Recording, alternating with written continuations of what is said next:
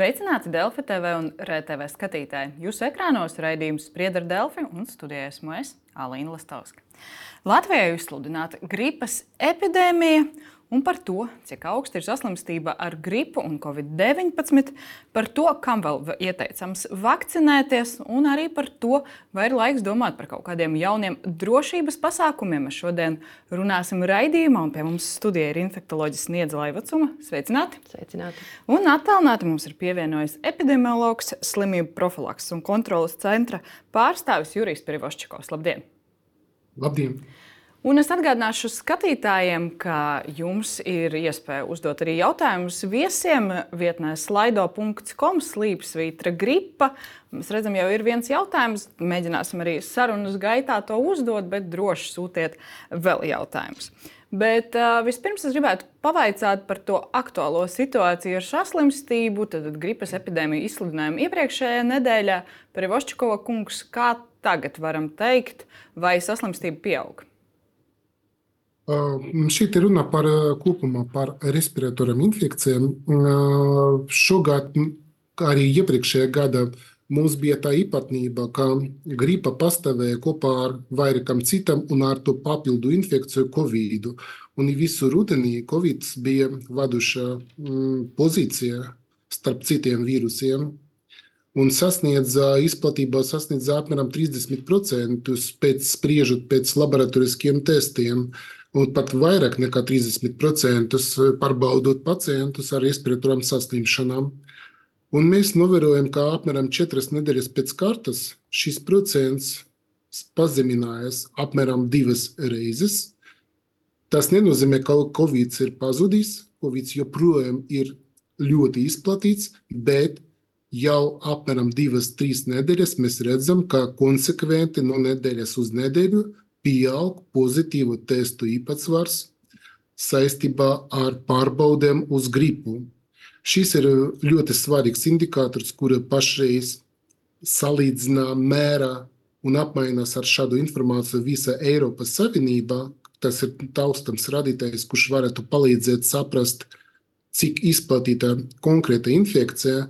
Un uh, arī ar šo radītāju, principā jau otru gadu ir ievests jauns epidemiskais slieksnis attiecībā uz gripu un uzskatīts, ja valstī katrs desmitais paraugs ir pozitīvs uz gripu, 10%, Tas varētu liecināt jau par to, ka gripas izplatība sasniedza epidēmijas līmeni.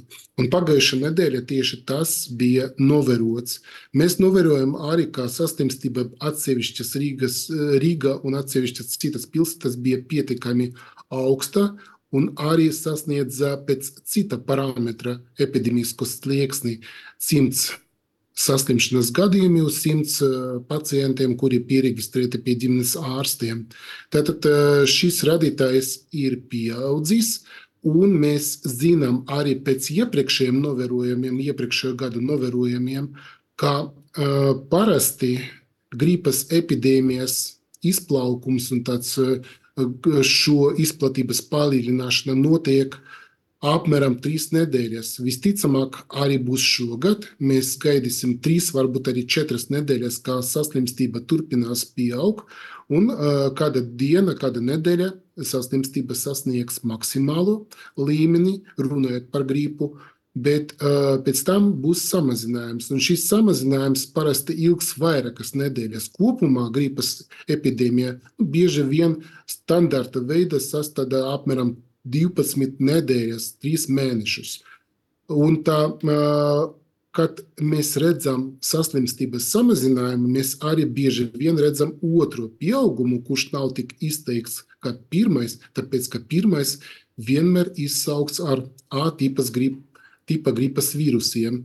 Un pēc tam arī aktivizējas B gripas vīrus, un tas ir ļoti svarīgi zināt, ka mm, tur varētu būt tā kā otrais pēc pacelums, un tas bieži vien novērots. Un uh, gal, galvenais šeit, kā vakcīna, kuru mēs lietojam, viņa palīdz jā, mēs gan, jā, gan vēl... pret visiem šiem vīrusiem. parunāsim. Bet nu, vismaz tuvākajās nedēļās nu, mēs prognozējam, ka būs vēl saslimstības pieaugums. Vai mēs varam kaut ko teikt par slimības gaitu, cik tā varētu būt smaga šogad, šajā sezonā, vai tomēr nu, būs salīdzinoši vieglāka tā saslimšana? Tā pavisam droši. Mēs To nevaram zināt, jo nu, to mēs varēsim tikai tā retrospektīvi pēc epidēmiskā uzliesmojuma beigām pateikt. Bet, protams, mēs varam sagaidīt, ka riska grupām, maziem bērniem, cilvēkiem gados pēc 65, pacientiem, kuriem ir dažādas chroniskas blakus saslimšanas, ka viņiem šī slimība varētu noritēt smagāk.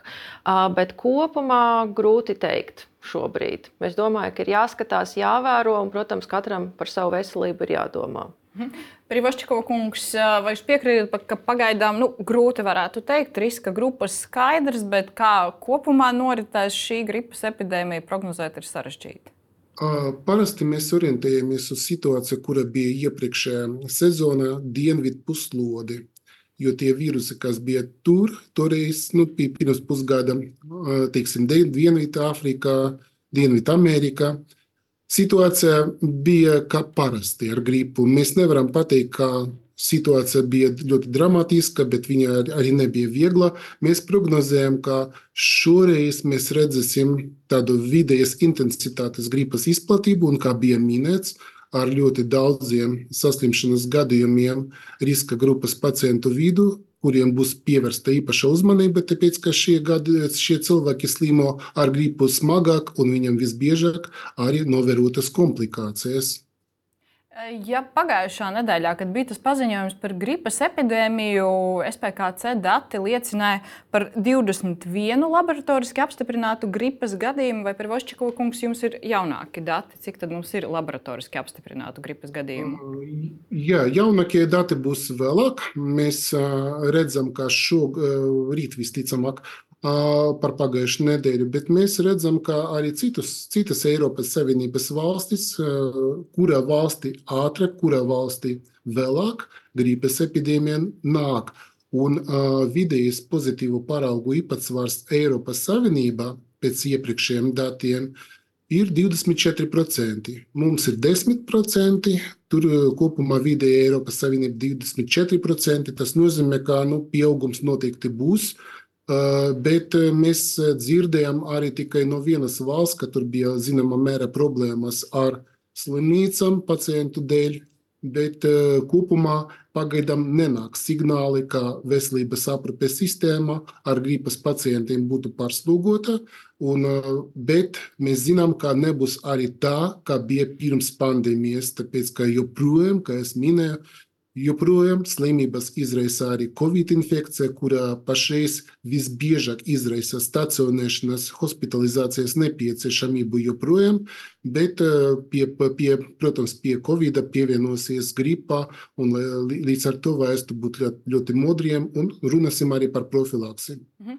Levitams kundze, jūs arī, nu, raugoties uz pašreizējiem datiem, teiktu, nu, ka slimnīcām liela nu, darba apjoma pieauguma nebūs saistībā ar gripas epidēmiju? Šobrīd nav. Ja mēs skatāmies, piemēram, par Rīgas Austrum Klinisko universitātes slimnīcu, kuras strādāja uz vakardienas rītu, mums ir dati, ka mums ir stacionēti deviņi pacienti ar gripu. Nu, Tātad tas nav ļoti daudz šobrīd. Tomēr jāpiebilst, ka lielākā daļa pacientu, protams, ir ambulatora ģimenes ārstu uzraudzībā. Nu, Covid situācija šobrīd arī nav kritiska būtiska, manuprāt, jo mums uz vakardienas rītu bija 57 covid pacienti, no kuriem vairāk kā pusē tā ir pamatdiagnoze un mazākai daļai tā ir blakus diagnoze. Bet, protams, nu, mēs, ja, ja šīs gripas uzliesmojums mums tikko ir sācies, mēs varam sagaidīt, ka tas būs vairāk, bet cik daudz grūti teikt. Bet, protams, tas, ka, kā dr. Perivoščikovs saka, ka Grūti būs tas, ka mums būs gan gripa, gan covid-19, arī respiratoru sincitiālais vīrus plati, plaši izplatīts šobrīd. Tas varētu sarežģīt šo, šo situāciju, ka tas nav tikai viens izraisītājs, kas, kas mums pacientiem būs, ka tie būs dažādas situācijas un iespējams pat kombinētas infekcijas, kas arī varētu radīt sarežģījumus. Ja mēs runājam par gripas pacientiem, kas ir stacionēti, tā slimības gaita ir salīdzinoši vieglāka vai nu, arī smagi pacienti ir? Pagaidām ļoti ļoti smagi pacienti nav. Varētu teikt, ka šiem pacientiem ir vidēji smaga slimības gaita, jo, nu, protams, ar vieglu slimības gaitu līdz slimnīcai nebūs. Bet šobrīd pēc mūsu datiem neviens nav intensīvās terapijas nodaļā, kas ir labi. bet tas var ļoti strauji mainīties. Mm -hmm. Privočko kungs, jūs arī pieminējāt par bērniem. Tie dati, kas bija iepriekšējā nedēļā arī izplatīti nu, no ģimenes ārstu praksēm, tur bija teikts, ka visbiežāk ar gripu slimo bērni vecumā līdz četriem gadiem. Nu, tā situācija varētu mainīties ģimenes ārstu praksēs arī. Es domāju, ka tā situācija nekad nemainīsies, jo tieši bērni ir tie, tie kuriem nebija saskares iepriekšējos gadus ar gripas vīrusu un arī ar dažādiem citiem vīrusiem. Tāpēc viņi slimo biežāk, kamēr viņam izveidosies tāda jau pamatā imunitāte pret vairākām respiratorām saslimšanām, un pieaugušie cilvēki slimo salīdzinot ar maziem bērniem daudz retāk. Bet atkal runājot par uh, smagumu, maziem bērniem un gadus veciem cilvēkiem šī slimība ir bīstama. Gripa ir bīstama, arī Covid ir bīstams eh, gadus veciem cilvēkiem, un arī cilvēkiem ar kroniskām saslimšanām. Ja mēs atgriežamies pie skatītāju jautājumiem, viens no skatītājiem arī jautā, vai slimību profilakses kontrolas centrs pēc izglītības iestāžu saslimstību ar gripu un covid-19. Pirvošķiko kungs ir kāda izglītības iestāde, kurā tā situācija būtu sarežģīta dēļ infekcijām? Izglītības iestādes piedalās monitoringā. Mums ir eh, noteikts iestažu skaits no Latvijas pilsētām, un eh, šis iestādes eh, ziņo reizi nedēļā apmeklētību. Pēc apmeklētības mēs varam spriest par to, cik bērni ir skarti ar saslimšanu. Nu, pagaidām mēs nezinām, cik bija, pat skolas bija brīvdienas.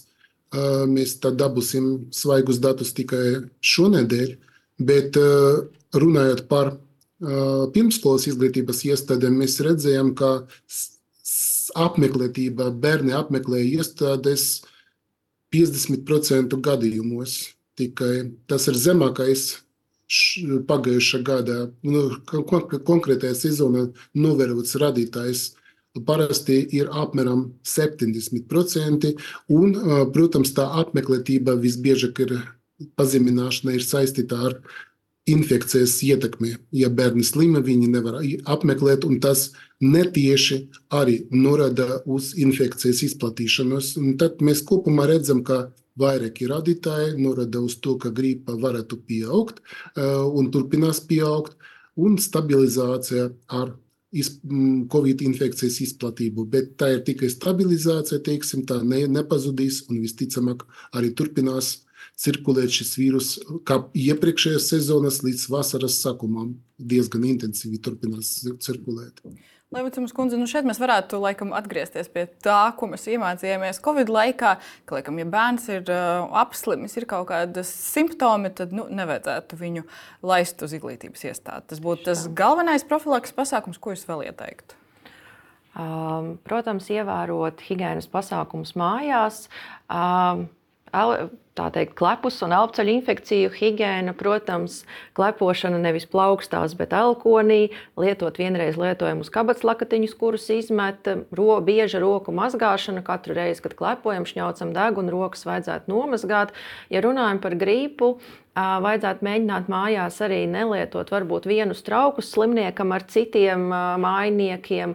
Un, protams, ja mēs domājam ne par pašu, tad, protams, telpu veidināšana. Un vēlams arī gaisa mitrināšana, ja ir iespējams, jo mēs zinām, ka gripas vīruss apkārtējā vidē var izdzīvot no dažām stundām līdz pat desmit dienām.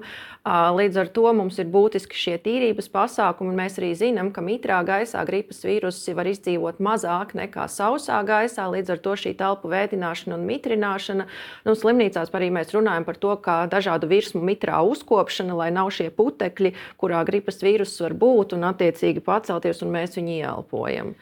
Ja mēs runājam nu, kopumā, tie jūsu novērojumi, cik mēs bijām piesardzīgi Covid-19 pandēmijas laikā, tagad cilvēki nu, mazāk pievēršās uh, tam tiem profilaks pasākumiem slimiem mēdz aiziet arī uz darbu vai vēl kaut kur iziet. Jums šķiet, ka jā, tas ir. Jā, diemžēl mēs visi esam ļoti atslābuši. Protams, nu, droši vien, ka mēs arī bijām ļoti noguruši, jo, šo, jo, jo šie intens, tiešām tie pasākumi bija intensīvi Covid laikā. Bet tas viss joprojām ir spēkā. Gan šī personīgā elpceļu higiēna, gan arī tas tiek rekomendēts neapmēk, neapmeklējam plašus pasākumus iekštelpās. Mēģinam nedoties uz vietām, kur pulcēs daudz daudzi cilvēki, lielveikali un tādas vietas, uzmanīgi sabiedriskajā transportā. Protams, masku lietošana tas ir individuāli. Protams, es teiktu, ka, ja ir elpceļu simptomi, tad būtu jāpaliek mājās, vai nu strādājam attālināti, vai tomēr uz tām dažām dienām slimības lapa, jo mums ir jādomā ne tikai par sevi, protams, arī par saviem līdzcilvēkiem. Jo, nu, liekas, kas tad tur būs, es slims aiziešu uz darbu, man taču tikai iesnas un drusciņa temperatūra, un tad mēs īstenībā inficējam arī visus pārējos. Par to masku lietošanu es teiktu individuāli, protams, ja mēs nevaram palikt mājās un mums ir šie elpceļu simptomi, es teiktu, ka varbūt maska būs vietā. Um, un, Jā, protams, ja mēs apmeklējam arī cilvēkus no riska grupām un mums ir šie apceļu simptomi, protams, būtu jāievēro piesardzība. Varbūt uz to brīdi, kad mēs esam slimi, neapmeklēt teiksim, savus uh, seniorus, radiniekus, kas varbūt ir aprūpes centros, bet citādā ziņā ļoti līdzīgi kā bija Covid laikā, bet varbūt ne tik intensīvi gluži šobrīd. Privošķiko kungs piekrīta tam vērtējumam, ka esam atslābuši, domājot par infekcijas slimībām? Nu, no, noteikti tā ir. Mēs to varam novērot, cik daudz cilvēku veikalos un sabiedriskajā transportā gan arī, ka neviens nelieto uh, respiratoru vai medicīnisko masku. Jā, pat arī redzams, ka cilvēks ir slims. Tāpēc pašiem parūpēties, pašais ir grūti cerēt, ka kāds parūpēsies par mums. Mums vajadzētu pašiem padomāt, un īpaši riska grupas pacie, personām, kuras pieder veselības riska grupai, apmeklējot sabiedriskas vietas, kur ir īpaši slikta ventilācija, sabiedriskais transports, vajadzētu padomāt par to, ka individuāli brīvprātīgi lietot respiratoru, tas ļoti, ļoti pazemina inficēšanas risku. Mums nevajag to aizmirst par to, ka katrs otrs cilvēks inficējas ar respiratoriem slimībām, arī ar gripu, tikai tāpēc, ka ar nemazgātām rokām pieskaras sejai, pieskaras mutī, degunām un acīm. Ar, tādu, ar šo pieskarienu viņš no, nodod savam organismam šo vīrusu, kuru atstāja uz apkārtējas vides citi cilvēki. Mazgājam rokas, un tas ir nav. To vajag darīt rīktīgi, pareizi un regulāri, un nekadīgi nepieskarties uh, ar netīrām rokām seju. Ja mēs mazgājam rokas, sevišķi sabiedriskajās vietās, padomāsim par to, kā mēs aizveram krānu vai pieskaramies arī roku durvīm tā sabiedriskajai toalētē. Jo uh, parasti šie krāni varētu saturēt arī vīrusus, un pēc roku mazgāšanas, ja mēs uh, vienkārši pieskarāmies, lai aizvertu, mēs atkal nododam šos vīrusus uz savām rokām. Tāpēc varam izmantot kaut kādu salvēti, kuru mēs izmantojam, lai uh, nosalsinātu rokas, tam pēc tam, lai aizvertu šo krānu. Tātad ir dažādas nianses, kuras varētu palīdzēt izvairīties no saslimšanas. Un, protams, izolācija, pašizolācija, brīvprātīga pašizolācija ir labākais variants, lai ne, nenodot to vīrusu tālāk. Un, protams, ja pacients ir mājās un ir apstākļi, ir piemēram atsevišķa istabā, pacientam vajadzētu piedāvāt atrasties šajā istabā, lai nekontaktēties ar citiem. Gripa nav tik līpīga kā Covid. Covid varētu inficēt, viens pacients varētu inficēt līdz 5, 6 cilvēkiem. Šeit parasti ar gripu nenotiek tik intensīvi. Tikai viens, divi cilvēki vidēji inficējas no gripas uh, slimnieka, tāpēc pasargāties būtu vieglāk, ja ievērot arī šādus nefarmacītiskus pasākumus. Un uh, tie līdzekļi, kurus mēs lietojam pret Covid, lai neinficētos ar Covid, diezgan daudz efektīvāk, protams, pret gripu. Tāpēc pandēmijas, divas pandēmijas gadus mēs izdzīvojam bez gripas, tāpēc ka maskas, distancēšana, roku mazgāšana uh, bija ļoti efektīva tieši pret gripu, mazāk, bet arī efektīva pret citām infekcijām, pret Covid arī. Privačko kungs, mēs runājam par sabiedrību kopumā. Jūs, kad dodaties publiskās vietās, nezinu, sabiedriskajā transportā, kaut kur jūs pats masku lietojat? Jā, tagad es lietoju nevis masku, bet respiratoru. Tāpēc es vienkārši redzu, ka apkārt ir cilvēki, kuri nu, noteikti ir inficēti. Nu, man negrib, negribas vienkārši slimot. Mhm. Mēs raugamies arī uz ārstniecības iestādēm, arī dažādi piesardzības pasākumi, kā jau gripas epidēmijas laikā. Austrumu slimnīcā ierobežots pacientu apmeklējums Ziemeļkurzemes reģionālajā slimnīcā epidēmijas laikā. Jālieto sejas maskas. Nu, ja dodamies uz ārstniecības iestādēm, es arī teiktu, nu, primārais būtu respirators. Maska. Primārais būtu respirators. Patiesībā primārais būtu, ja mums ir simptomi, elpoceļu infekcijas simptomi, nedoties uz stacionāru apmeklēt savus tuviniekus. Kāds cits var aiziet, pēc dažām dienām var aiziet. Un taisnība, kā jūs sakat, mums austrumu slimnīcā šobrīd ir tā, ka apmeklējumi ir tikai ar ārstējošā ārsta atļauju. Apmeklēt var viens cilvēks vienlaicīgi tikai savu tuvinieku vai draugu. Un, jā, apmeklējot, ir jāizmanto vai nu medicīniskā sejas maska vai respirators. Un tādus cilvēkus, kuriem ir elpoceļu simptomātika, diemžēl pie apmeklēšanas nepielaiž, kas ir arī loģiski. Mēs redzam, ka nu, tie ierobežojumi ir slimnīcās, kas ir arī saprotami. Ambulatorijām iestādēm būtu arī vērts padomāt, jūsuprāt, nu, mudināt savus apmeklētājus, klientus, pacientus lietot sejas maskas. Es domāju, ka jā. Es domāju, ka jā.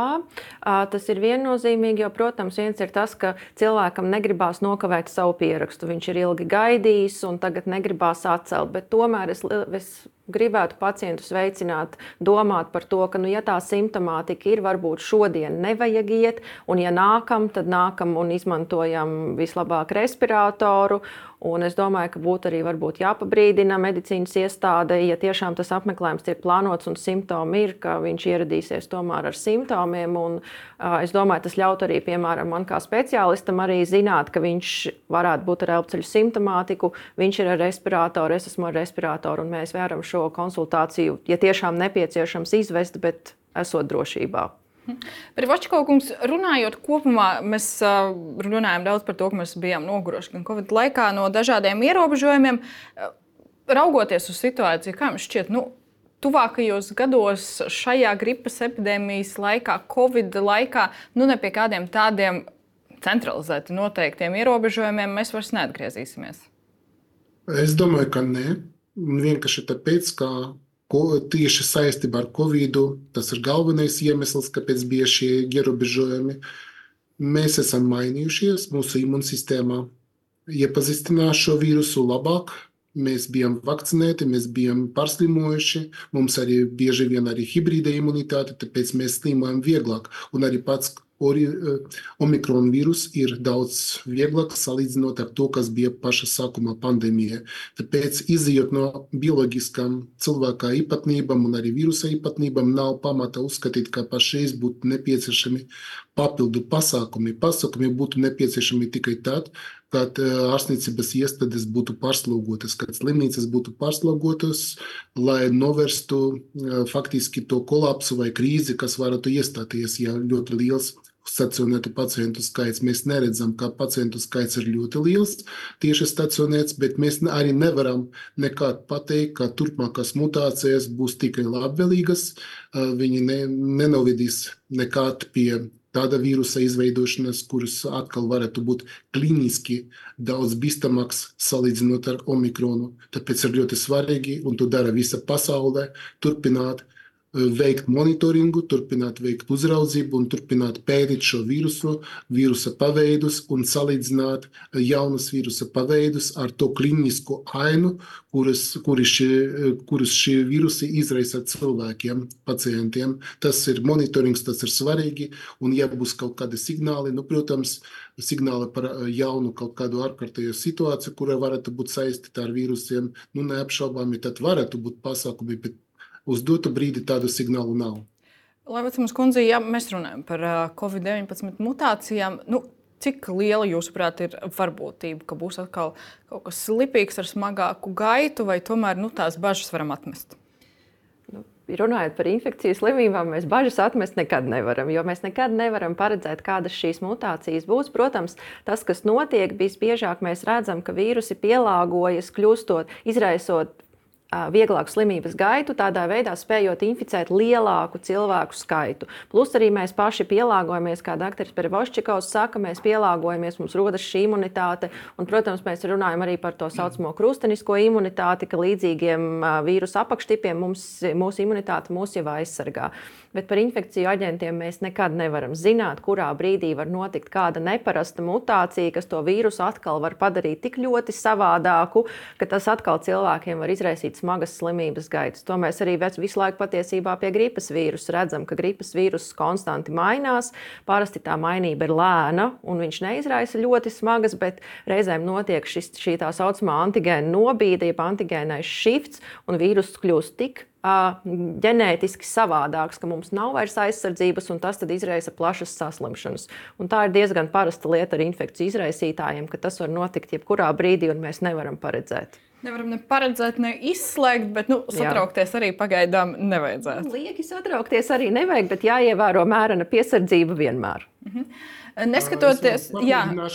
Es varu papildināt parastā atbildi uz šo jautājumu, ka mēs varam būt pārliecināti, ka kādreiz pandēmija būs, kāds būs izraisītājs un kā tā pandēmija notiks, neviens nevar prognozēt to tajā brīdī. Tāpēc vajag būt gataviem šādām situācijām, eventuāli nu, tā vispārīgi. Nu, cerēsim, ka tik drīz pandēmija neatkārtosies, bet runājot par gripas epidēmijas sākumu, SPKC norāda, ka vakcinācija joprojām ir ieteicama gan pret covid-19, gan pret gripu. Pirvošķiko kungs vērts vakcinēties. Noteikti ir vērts vakcinēties tiem cilvēkiem, kuri atliek un nepaspēja to izdarīt. Un, uh, mēs vienmēr aicinām uh, padomāt par savu aizsardzību tiem cilvēkiem.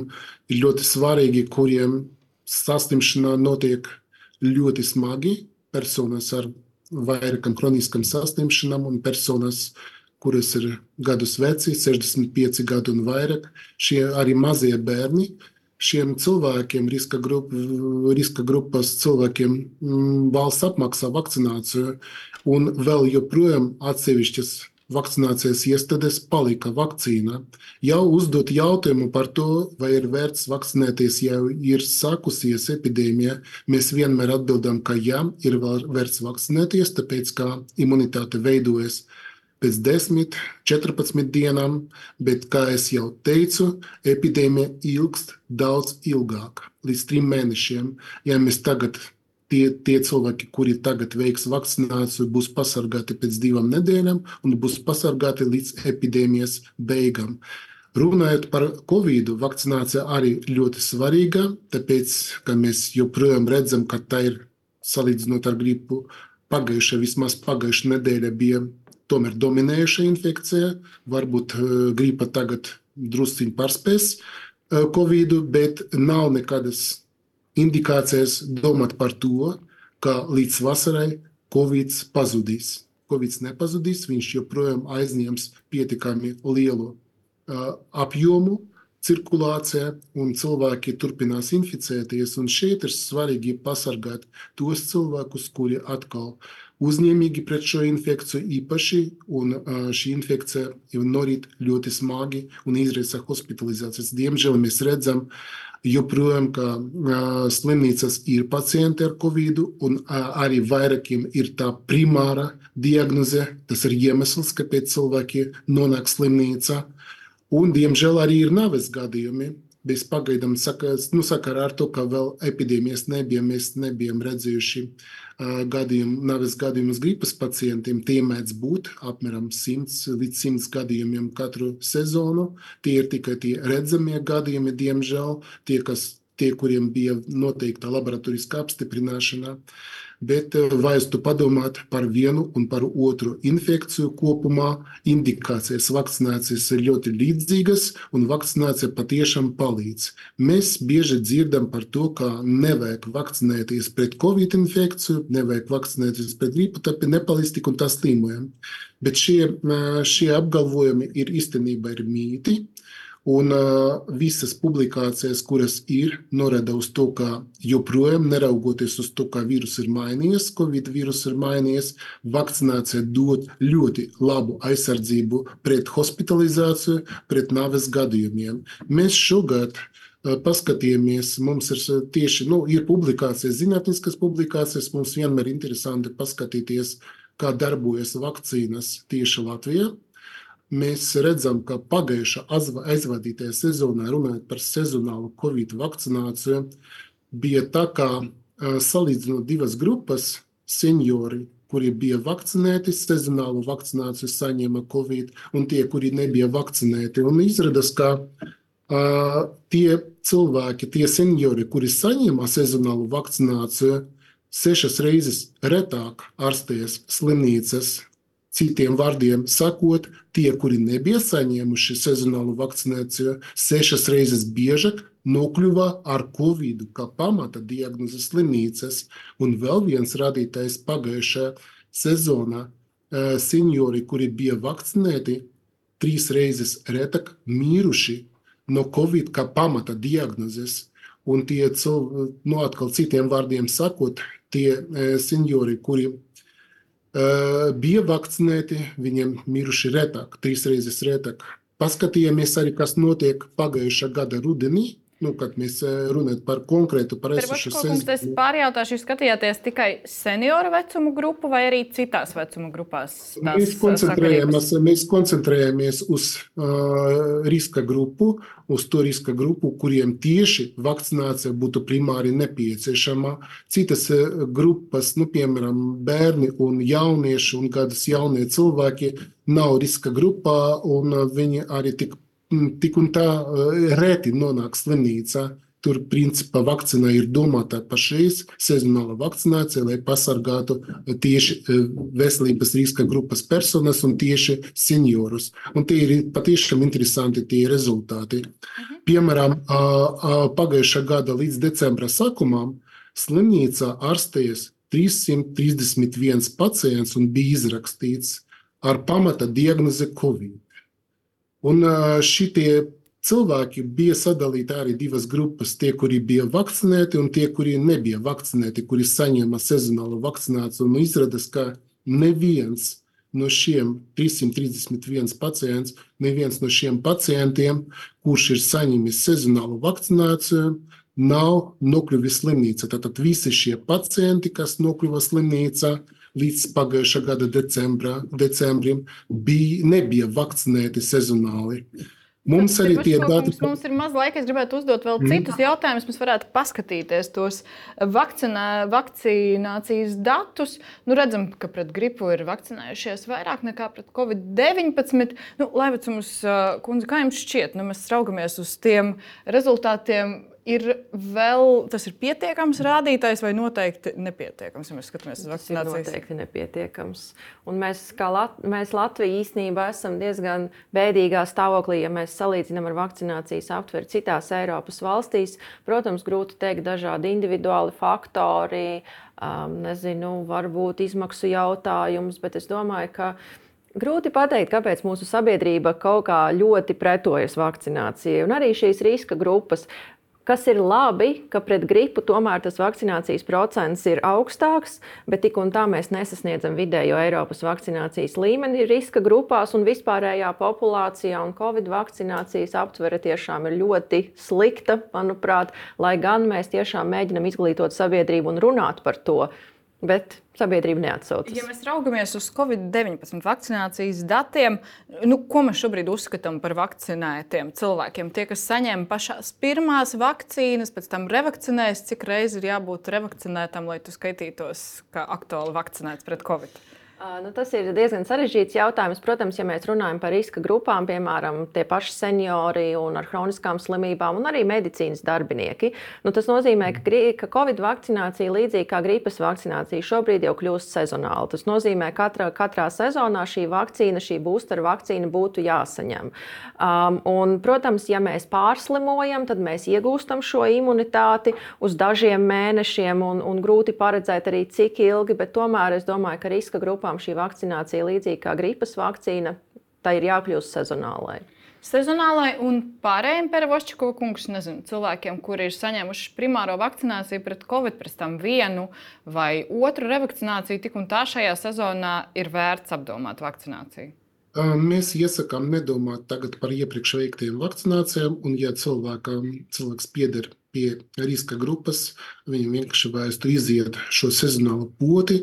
Tas balstās uz to, ka lielākā iedzīvotāja daļa sastapusies ar šo antigēnu vai pārslimojot vai vakcinējoties.